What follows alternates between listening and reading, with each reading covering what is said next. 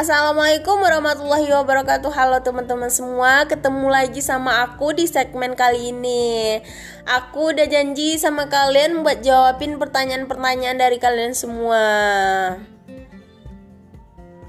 Semoga kalian selalu sehat ya teman-teman di masa pandemi ini. Jangan lupa jaga kesehatan dan patuhi protokol kesehatan yang ada teman-teman agar kita terhindar dari COVID-19 ini. Baiklah, aku akan jawabin pertanyaan-pertanyaan dari kalian. Yang pertama yaitu ada yang tanya nih.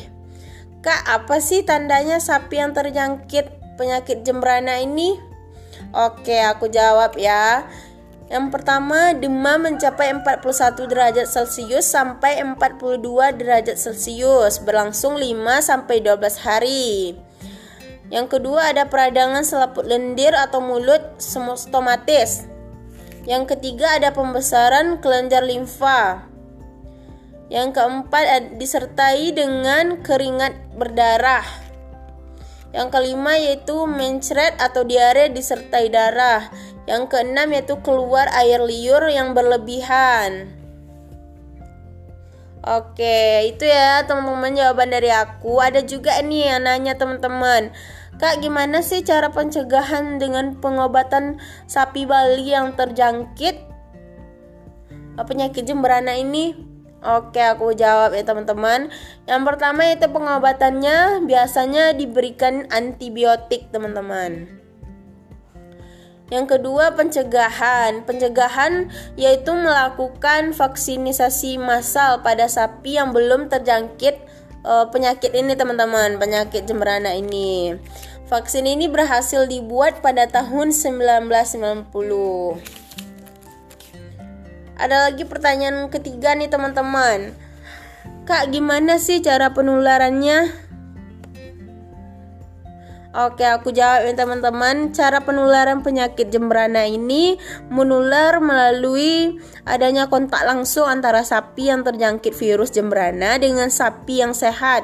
Penyakit jembrana juga dapat ditularan ditularkan melalui uh, oral, konjungtiva mata dan semen. Penularan secara mekanis juga dapat terjadi melalui insekta penghisap darah seperti lalat, Tabanus rubidus. Ada lagi nih teman-teman, pertanyaan ke keempat ya. Ada dia menanya gimana sih Kak cara mendiagnosis sapi yang terkena virus jembrana? Oke. Untuk mendeteksinya yaitu yang pertama melalui pengamatan gejala klinis dan patologis dari penyakit jemberana tersebut. Yang kedua melalui uh, diagnosis serologis. Hmm, Oke teman-teman. Ada lagi nih teman-teman. Pertanyaan kelima. Apa sih kak dampak dari penyakit jemberana? Dampak dari penyakit jemberana itu ya uh, yaitu kematian ternak, penurunan produksi ternak, serta kerugian juga nih karena menurunnya produksi daging. Oke teman-teman hanya itu ada hanya itu pertanyaan-pertanyaan kalian yang udah aku jawab jawabin semua teman-teman. Uh, Oke sekian dari aku teman-teman jangan lupa kalian selalu jaga kesehatan ya selalu patuhi protokol kesehatan agar terhindar dari penyakit. Oke teman-teman, sekian dari aku.